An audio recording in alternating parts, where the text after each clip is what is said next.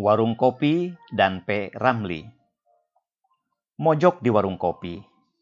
Inilah saat-saat mengasyikkan bagi Kures setiap waktu istirahat sekolah tiba.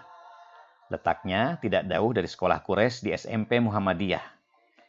Minum teh manis jadi kebiasaan Kures sejak kecil. Goreng ketelanya juga makanan favorit saya, mengisi perut yang mulai keroncongan, kata Kures. Uang jajannya kerap dihabiskan di warung milik warga keturunan Tionghoa itu. Bahkan di saat perut kenyang pun, Kures mampir di sini, sekadar menemani kawan-kawannya jajan. Rupanya kebiasaan itu terendus Haji Lancang, sahabat Aba Abdurrahman yang rumahnya tidak jauh dari warung kopi. Setiap Haji Lancang melewati warung kopi, selalu dilihatnya Kures di sana. Haji Lancang salah paham dan mengadukannya pada Aba. Umar, kakak Quraisy, ingat betul pengaduan di hari Minggu itu.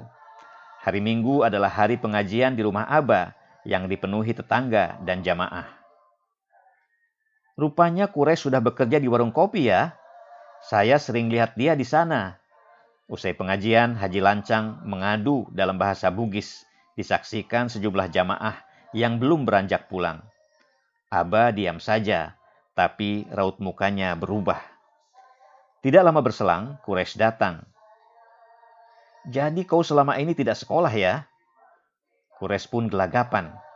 Bukan karena ia bolos, tapi ia kaget mendengar teguran tidak berdasar dari Aba.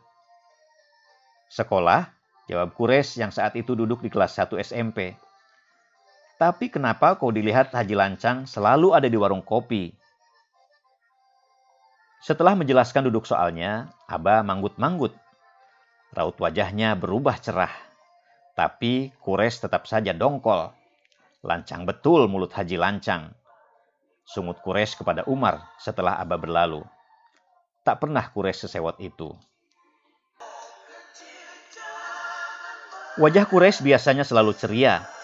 Lebih lagi saat ia mendengarkan lagu-lagu penyanyi pujaannya P. Ramli aktor dan musisi serba bisa kelahiran Pulau Pinang, Malaysia tahun 1929 ini bernama asli Teku Zakaria bin Teku Nyak Putih. Puluhan film dan ratusan lagu Peramli yang ayahnya asal Loksmawe Aceh Utara itu tidak hanya dikenal di Malaysia, tapi jadi pujaan kaula muda Indonesia, termasuk Kures. Saking ngefans berat, Kures dan sejumlah kawannya yang berambut ikal pernah meniru gaya rambut Peramli yang memang ikal Waktu kelas 6 SD, dia pernah ikut lomba menyanyi lagunya Peramli, kata Umar.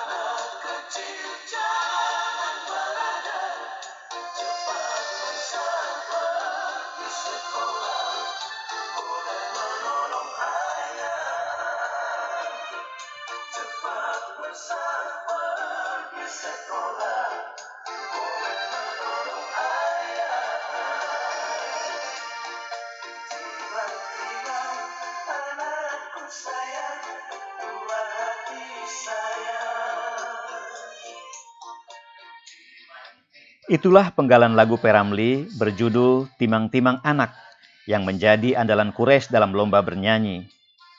Dulu, suara saya masih bagus, kata Kures terbahak. Lagu yang menjadi soundtrack film Malaysia antara senyum dan tangis tahun 1952 itu masih direndangkan Kures saat menina bobokan putra-putrinya. Sampai sekarang, kalau saya nyanyikan lagu itu, Ella pasti menangis, kata Kures. Ella adalah panggilan Najla Shihab, putri pertama Quraisy, yang kini memiliki tiga anak. Serasa terbang ke masa lalu, Ella tersenyum membenarkan pengakuan ayahnya yang biasa disapa Abi.